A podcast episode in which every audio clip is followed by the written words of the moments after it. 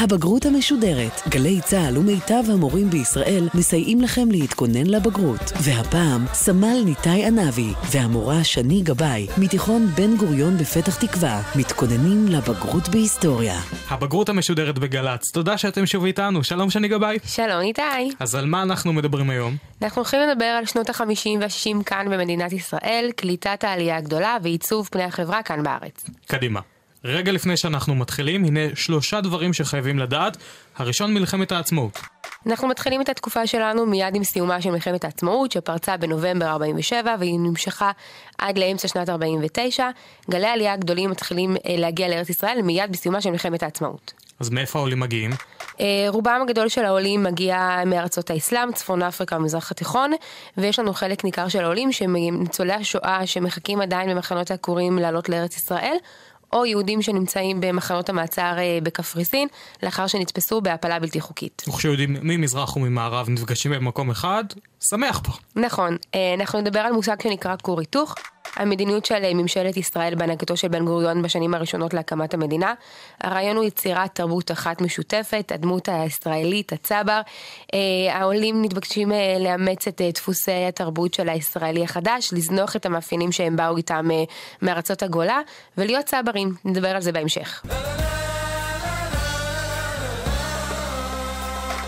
אז עכשיו נדבר על הסיבות לעלייה בשנות ה-50 וה-60. נחלק את זה לארצות אירופה ולארצות אה, צפון אפריקה והמזרח התיכון. נתחיל עם ארצות אירופה, שם רוב היהודים ניצולי שואה. אחרי מלחמת העולם השנייה, ניצולי השואה שרוצים אה, לעזוב את אירופה חיים במחנות עקורים בגלל הגבלות העלייה של בריטניה. אה, לאחר סיומה של מלחמת העצמאות ותחילת אה, תהליך קליטת העולים, רוב ניצולי השואה ככה עולים לארץ ישראל. צריך לזכור שבאותן שנים לא קל עדיין לחיות באירופה. אמנם מלחמת העולם השנייה הסתיימה, אבל עדיין נערכים פוגרומים נגד יהודים באירופה, למשל פוגרום קילצה בפולין, שם נהרגים כמה עשרות יהודים. אה, יהודי אירופה לא מרגישים בטוחים ורוצים לעלות לארץ ישראל. ולא רק זה, יש תסיסות פוליטית שם. אנחנו מדברים בעיקר על מדינות במזרח אירופה, תחת השלטון הסובייטי, יש תסיסות פוליטיות נגד השלטון.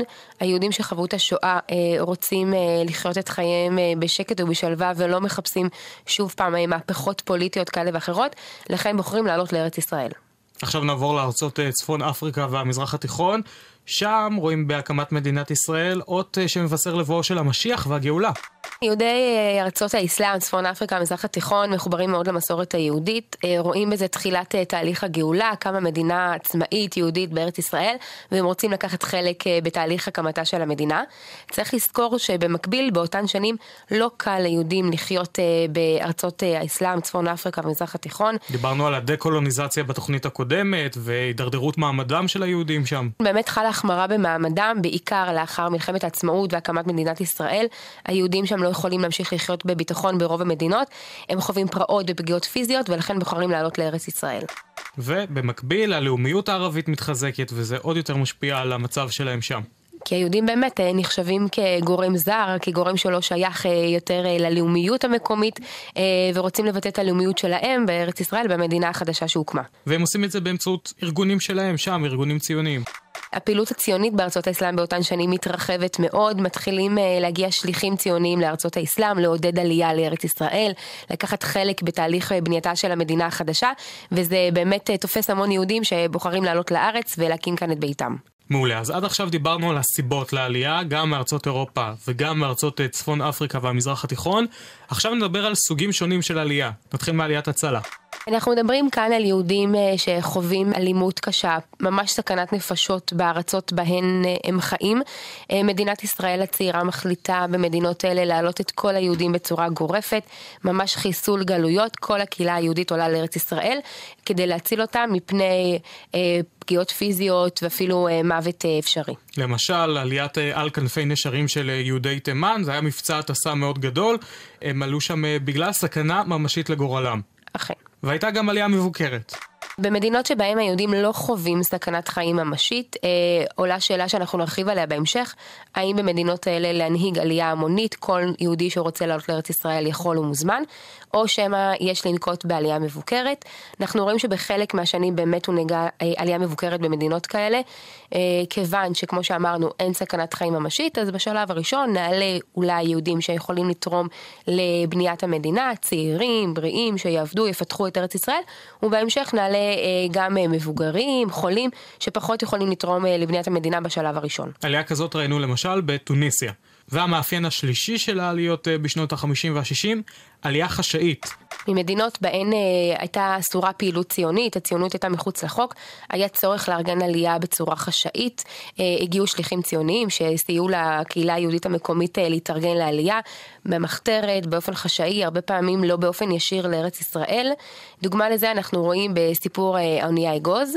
זו באמת אונייה של אה, יהודי מרוקו, שם הפעילות החשאית אילצה את מארגני העלייה להשתמש בספינות קטנות. ב-61 יצאה ספינה קטנה כזאת ממרוקו, כשעל סיפונה 46 עולים, זה לא הרבה. בדרכה לארץ ישראל הספינה טבעה. כל הנוסעים אה, למעט שלושה טבעו, הפרשה חשפה את העלייה החשאית שם במרוקו. במרוקו באמת הפעילות הציונית הייתה אסורה והיה צורך לארגן עלייה בצורה חשאית. אה, כמו שראינו בסיפור של האונייה אגוז, חלק מהעולים אה, באמת לא הגיעו בשלום למדינת ישראל בגלל הארגון הקשה עם כל הקשיים והגורמים המעכבים בדרך, אה, וזה כמו שאמרנו במדינות בהן אסורה פעילות ציונית. והדפוס האחרון שאנחנו נדבר עליו, ניצולי השואה. יהודים שבאמת אה, חיים במחנות עקורים, ניצולי שואה שמחכים אה, לקבל אישור לעלות לארץ ישראל, לאחר הקמת המדינה הם מקבלים את האישור כמובן ומגיעים לכאן לבנות את ביתם. שנים מדינת ישראל עוד קטנטונת, יש קשיים רבים בדרך, יש גלי עלייה גדולים מאוד, והנהגת היישוב התחילה להתווכח האם בכלל צריכים להנהיג עלייה המונית וחופשית למדינה, או להנהיג עלייה מבוקרת ולהעלות רק עולים שיסייעו בפיתוחה. אנחנו רואים באמת מחלוקת בין אה, שני אה, סוגי אה, עלייה ושני דפוסים שככה היו מקובלים באותן שנים.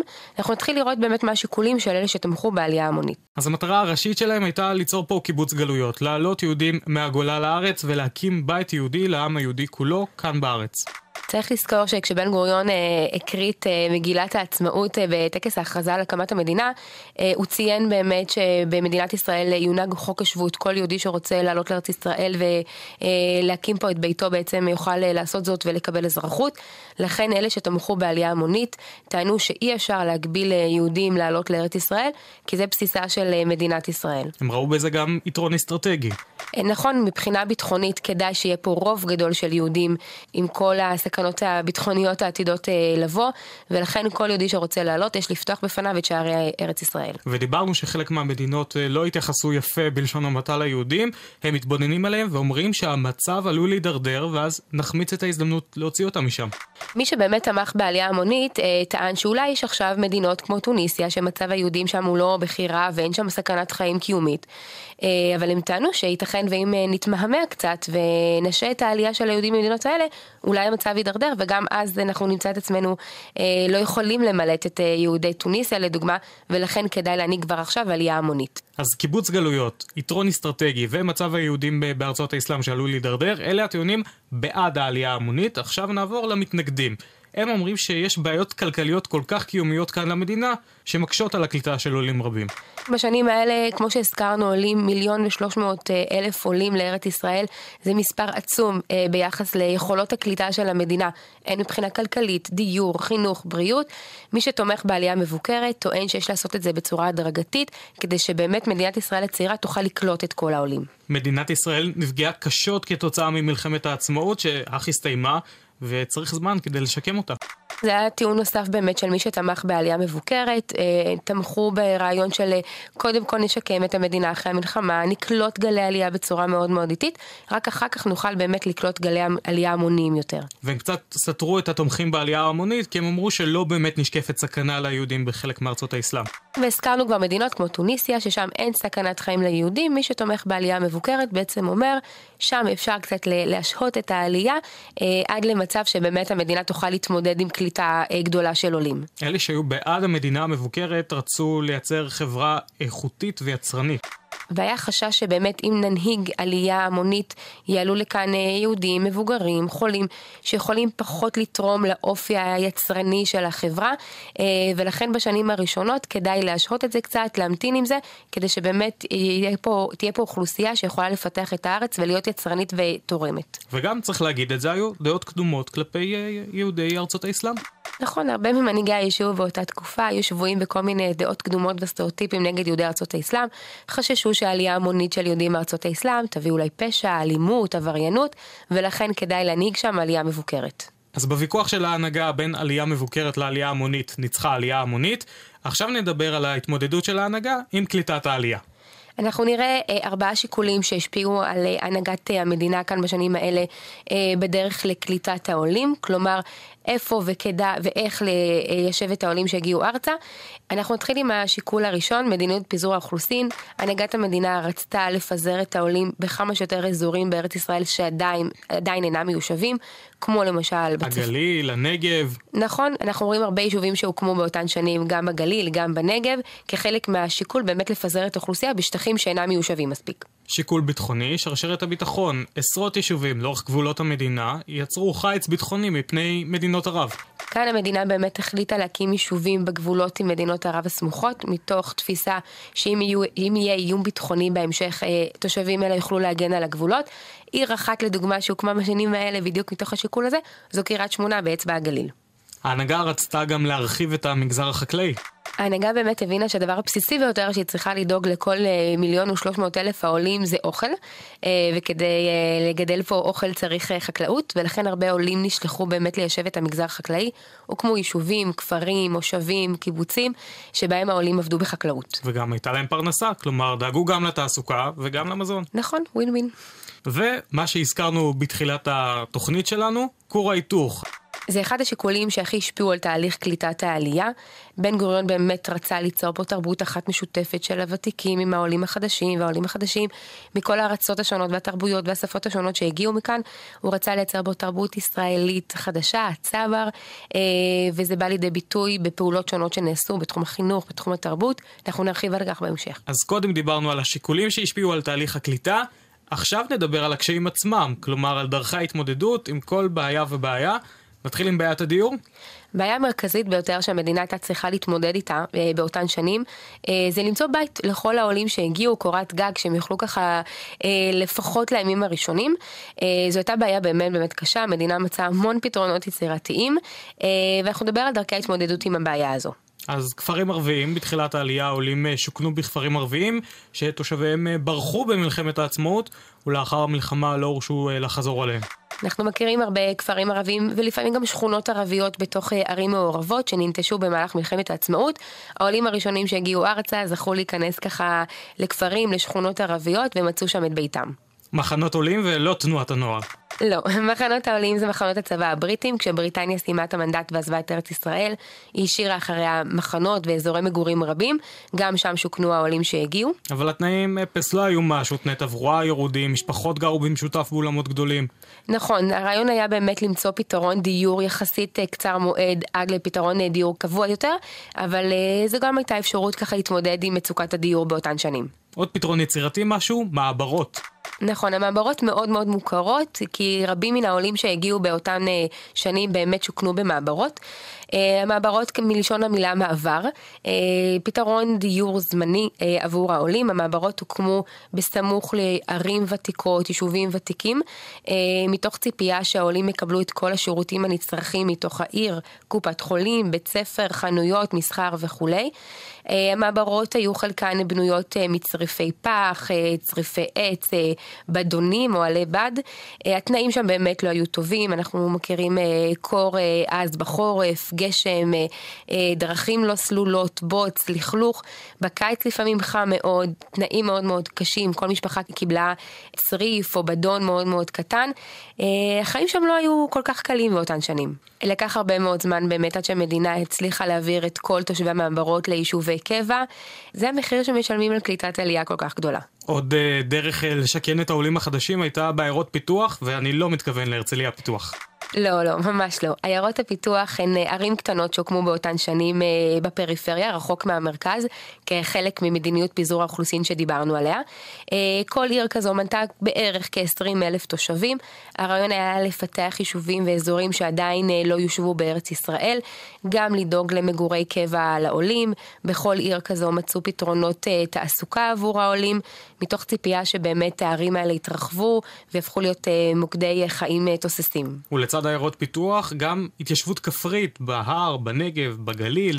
הזכרנו באמת את הצורך במגזר חקלאי גדול ופורח כאן בארץ כדי למצוא פתרונות אוכל עבור כל העולים. לכן חלק מהעולים נשלחו באמת להתיישבות כפרית בצפון, בדרום, לעבוד את האדמה, לגדל כמה שיותר גידולים חקלאיים כדי להתמודד עם הבעיות הכלכליות שתכף נרחיב עליהן. בתוך שלוש שנים שני עלו לארץ 700 אלף עולים. המשק הישראלי זה לא נתפס, הוא לא היה ערוך לספק כזו עבודה למספר כל כך גדול של עולים. המדינה באמת הייתה צריכה להתמודד עם בעיות כלכליות מאוד מאוד לא קלות ולא פשוטות בשנים הראשונות. דבר ראשון שצריך זה באמת לדאוג לפרנסה עבור כל העולים שהגיעו, ודבר נוסף כמובן אוכל, מצרכי מזון, דברים בסיסיים לחיות כאן אה, בצורה מכובדת בארץ ישראל. המדינה מצאה כמה פתרונות להתמודד עם הבעיות הכלכליות. אז למשל דיברנו על ההתיישבות החקלאית. המדינה הפנתה חלק גדול מהעולים להתיישבות שם אה, בהר, בנגב, בגליל, ובעצם גם אה, מילאה את, את הצורך שלהם להתפרנס, וגם את הצורך של המדינה באוכל. ועוד דבר, אה, דוגמה נוספת שאנחנו רואים ככה שהמדינה מצליחה למצוא גם פתרונות תעסוקה לצד פתרונות נוספים שהיא צריכה, אנחנו מדברים על עבודות יזומות. אה, העולים אה, הופנו לכל מיני עבודות שהמדינה הייתה צריכה לעשות כדי לפתח את הארץ באותן שנים, כמו סלילת כבישים, נטיית יערות. גם העולים מצאו שם פרנסה וגם ארץ ישראל התפתחה ונבנו תשתיות שבאמת נצרכו למדינה החדשה. ועוד מושג שילווה אותנו כאן בחיים עוד זמן רב, משטר צנע. המדינה באמת הבינה שכדי להתמודד עם הבעיות הכלכליות היא צריכה להנהיג איזה משטר אחיד עבור כל אה, האזרחים כאן במדינה, כדי לאפשר לפחות אה, אספקה בסיסית של מוצרי יסוד עבור כולם. אה, כל משפחה, וזה לא משנה אם זה ותיקים או עולים חדשים, קיבלו הקצבה חודשית, שבועית של מצרכי מזון, כך המדינה יכלה להבטיח שמעט המזון או מעט המצרכים שנמצאים כאן בארץ יחולקו באופן שווה בין כולם. ומאז יצא מתוק, לפחות יש לנו פתיתים. נכון, או כמו שאנחנו קוראים לזה אצלנו בצוות היסטוריה, אורז בן גוריון. דיברנו על הבעיות הכלכליות, עכשיו נעבור לתחום החינוך. מדינת ישראל צעירה ונתקלת בקושי לייצר מערכת חינוך אחידה. הזכרנו באמת שהעולים מגיעים מארצות שונות, תרבויות שונות, שפות שונות. מלבד העולים החדשים, יש לנו ותיקים כאן בארץ, והשאיפה של הנהגת המדינה זה להכיל מערכת חינוך אחידה לכל החברה הישראלית. היתוך. נכון, כחלק ממדיניות כור ההיתוך, ליצור פה חברה אחת מאוחדת, מגובשת, עם זהות תרבותית אחת. אה, מלבד הרצון הזה, שבאמת אה, היה קושי מאוד גדול לייצר מערכת חינוך אחידה, אנחנו מדברים על הרבה קשיים טכניים. אין מספיק מבנים לבתי ספר, כיסאות, שולחנות, ספרים, ציוד, כל מה שצריך. וגם אין שפה משותפת בין העולים שמגיעים מארצות שונות. נכון, גם אם יש מורים שיכולים להגיע וללמד, מאוד מאוד קשה להתגבר על פערי שפה, פערי תרבות. אנחנו נדבר על זה בהרחבה עכשיו עם דרכי ההתמודדות. אז ב-49 נחקק החוק האהוב על תלמידי ישראל, חוק חינוך חובה, שקובע בעצם שילדים אז בגיל 5 עד 14 זכאים לחינוך חינם. חלק מהבעיות שהמדינה נתקלה בהן באמת אה, זה ילדים שלא אה, הגיעו ממדינות שבהם הונהג אה, חינוך חובה באופן אחיד. הרבה פעמים העולים החדשים ציפו שהילדים יבואו איתם לסייע בפרנסת המשפחה, לא הבינו תמיד מה החשיבות באמת של מערכת חינוכית ככה בגיל שבו אפשר לסייע בפרנסה, ולכן המדינה מחליטה לחוקק את חוק לימוד חובה, כדי שלפחות כל תלמידי ישראל, כל ילדי ישראל, ילמדו משהו משותף, אחיד, שיכול לעזור להם בהמשך. ב-1953 נחקק חוק החינוך הממלכתי, הוא בעצם מבטל את הזרמים השונים במערכת החינוך וקובע חינוך אחיד לכל הזרמים, למעט החינוך החרדי שנותר עד היום עצמאי. אה, זה באמת חלק ממדיניות כור ההיתוך של בן גוריון. חוק חינוך ממלכתי אה, דואג שכל תלמידי ישראל, כל הילדים ילמדו לפחות מה שאנחנו קוראים היום תוכנית ליבה, תוכנית לימודים בסיסית משותפת כדי ליצור פה זהות תרבותית משותפת, לגשר על הפערים התרבותיים, השפה, החברה, וליצור פה חברה ישראלית אחת מגובשת. וזו בין היתר הסיבה שכל התלמידים בכל רחבי הארץ יכולים להתחבר לחומר שלנו כאן בהיסטוריה. לימודי השפה העברית במחנות העולים ובמעברות הועברו על ידי מורות חיילות, מתנדבים, וזה בעצם עזר לגשר על פערי השפה. הזכרנו באמת שאחת הבעיות הקשות ביותר בתחום החינוך היה אה, שהרבה פעמים אין את השפה הבסיסית המשותפת כדי אה, להתחיל לדבר בכלל על לימודים וחינוך. אה, לכן אנחנו רואים מורות חיילות וותיקים שמגיעים למעברות, גם עם הילדים, גם עם הוריהם, מלמדים את השפה העברית כדבר בסיסי מאוד בקליטת העלייה. ואנחנו חוזרים למושג שאיתו פתחנו, כור ההיתוך מלווה את כל פעולות הממשלה באותה תקופה. נכון, הממשלה באמת רואה בכור ההיתוך משהו מאוד מאוד חשוב ומשמעותי ביצירת אה, חברה אחידה, בקליטת העלייה המגוונת שהגיעה. אה, מי שמונה ככה להיות אה, המייצר של כור, ההיתוך, המוציא לפועל, זו הייתה מערכת החינוך וגם בצבא. במערכת החינוך דיברנו על תוכניות לימודים אחידות, על זה שילדים חייבים להגיע לבית הספר. הרבה פעמים בבית הספר הם עברו סוג של להכיר את התרבות הישראלית דרך מקצועות כמו היסטוריה, כמו ספרות, כמו לשון, אה, שפה, גיאוגרפיה.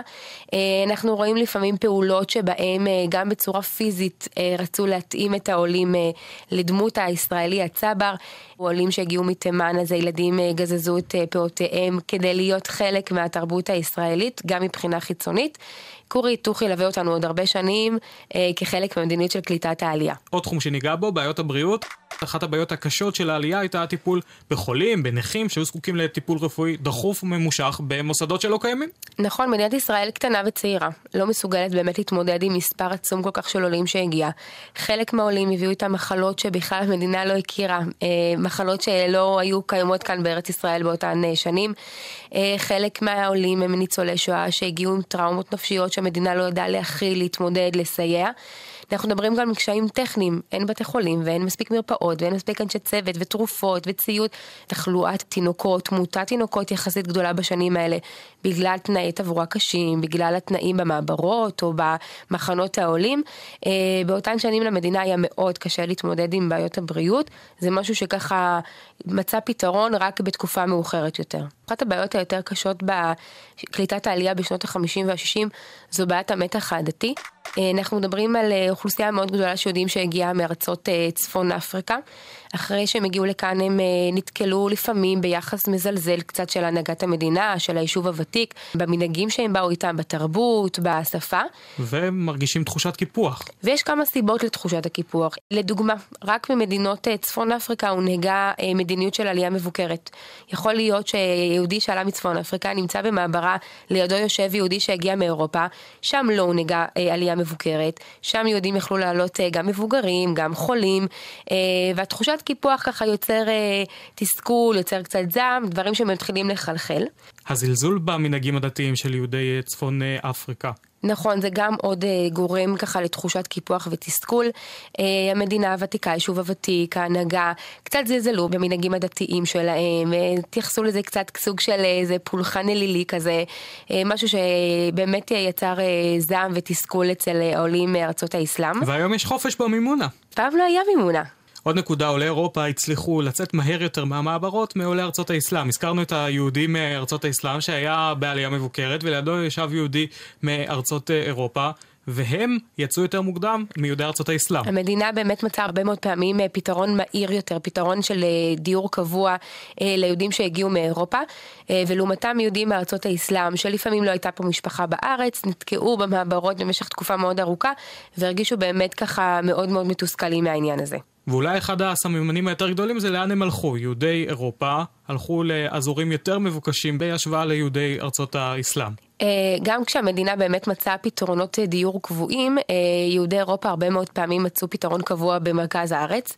לעומתם יהודי ארצות האסלאם, צפון אפריקה, נשלחו לעיירות פיתוח בצפון, בדרום, עוד גורם באמת לתחושת כעס ותסכול וקיפוח, לתחושה שהם באמת אזרחים אה, סוג ב' במדינה פה החדשה שמוקמת, מה שמוביל אותנו לאירועים קשים מאוד בשכונת ואדי סאליב בחיפה, תכף נרחיב על זה.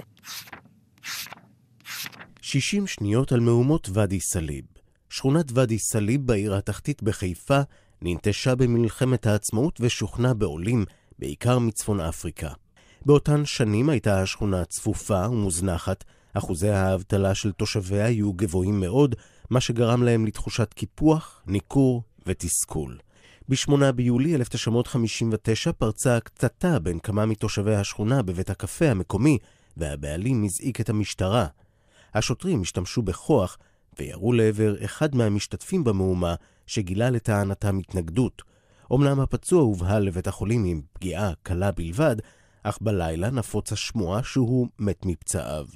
בתגובה יצאו רבים להפגנות נגד המשטרה, שהתפתחו למהומות אלימות. כבישים נחסמו, מכוניות הועלו באש, חנויות נפרצו ונבזזו, ושוטרים ואזרחים נפצעו. המהומות שהחלו בשכונת ואדי סאליב התפשטו לשכונות נוספות בחיפה, ובהמשך התרחבו לערים וליישובים נוספים בארץ. כמה ימים לאחר פרוץ המהומות הוקמה ועדת עציוני, ועדת חקירה ציבורית לבדיקת אירועי ואדי סאליב. לאחר אה, אירועי ואדי סאליב, הממשלה אה, באמת אה, ממנה ועדת חקירה ציבורית בראשות משה ציוני, שופט בית המשפט המחוזי. הוועדה נפגשת עם מנהיגי המהומות, שומעת על התחושות הקשות, על מה הוביל אותם בעצם ככה לפתוח באירועים, במהומות בשכונה, ומגבשת כמה מסקנות. הוועדה תמכה בטענות של מנהיגי המהומות ומתחה ביקורת על מדיניות קליטת העלייה. הביקורת הופנתה בעיקר כלפי העובדה שהעולים רוכזו ביישובים ובשכונות שיועדו להם בלבד, והאזורים האלה הפכו למוקדי אבטלה ומצוקה וגרמו לתחושה של תסכול וקיפוח. אחד ממנהיגי מהומות ואדי סאליב שבאמת אה, התייצב בפני ועדת עציוני היה דוד בן ארוש, אה, בחור צעיר שלאחר השחרור מהצבא אה, ציפה למצוא עבודה ולהתחיל את חייו. הוא נתקל בקושי מאוד גדול, היה באבטלה שנים מספר, ובאמת הוא מתאר בפני הוועדה את המצב העגום שלו ושל רבים כמותו צעירים בני אה, עדות המזרח בבניית החיים שלהם כאן במדינה אה, החדשה. והאירועים האלה משפיעים על כל החברה הישראלית. בתחום החברתי זה פשוט הציף את הבעיה ואת השד העדתי מעל פני השטח. בעיית המתח הדתי באמת עולה למודעות ציבורית בעקבות אה, אירועי ואדי סאליב. יש שתמכו בטענות העולים, על הקיפוח, על התסכול. יש כאלה שגינו את הטענות ואמרו שאין בזה שום דבר, אבל עצם העובדה שמדברים על זה בחברה הישראלית זה כבר מקדם לקראת מציאת פתרון עבור באמת המצוקות של העולים. הקמת הפנתרים השחורים. זה אומנם לא היה מיד אחרי מהומות ואדי סאליב, אנחנו מדברים על משהו כמו עשר שנים לאחר מכן, אבל אין ספק שהזרעים אה, נבטו כבר שם. אה, הפנתרים השחורים, תנועת מחאה ששמה לה למטרה לצמצם פערים חברתיים ולסייע יותר אה, ליהודים יוצאי עדות המזרח. ובטווח המיידי, כדי לשפר את המצב הכלכלי של העולים, המדינה נותנת כבר סיוע כלכלי. כמו למשל מענקים למשפחות ברוכות ילדים, קורסי הכשרה מקצועיים לחיילים משוחררים, אה, להגדיל את המשכורת אה, של הפועלים, הכל במטרה באמת לאפשר חיים יותר מכובדים כאן לעולים החדשים. דיברנו על השפעת אירועי ואדי סאליב על החברה הישראלית בתחום החברתי. עכשיו נעבור לתחום הפוליטי. הוקמה ועדת החקירה, ועדת עציוני שדיברנו עליה, שבדקה את הגורמים שהובילו לפרוץ המהומות ואת הפעולות שביצעה הממשלה למען העולים מארצות האסלאם. ואנחנו רואים בני עדות המזרח שמשתלבים בפוליטיקה. זו אחת באמת ההשפעות הפוליטיות של אירועי ואדי סאליב. אנחנו רואים בני עדות המזרח שנמצאים במפלגות ותיקות שככה משריינים להם מקום ורוצים לשמוע אותם גם בפוליטיקה, או אה, מפלגות חדשות שמוקמות אה, על טהרת אה, העולים מעדות המזרח כדי לתת להם ייצוג בממשלת ישראל. ויש ניסיונות ממשלתיים אה, לפנות את המעברות. המדינה מבינה שהמעברות הן באמת עקב אכילס של קליטת העלייה, ושם יש מצוקה מאוד מאוד קשה ותחושות מאוד קשות של העולים. נעשים ניסיונות אה, רבים כדי להעביר את כל העולים מהמעברות לשיכוני קבע. המורה, אז מה למדנו היום?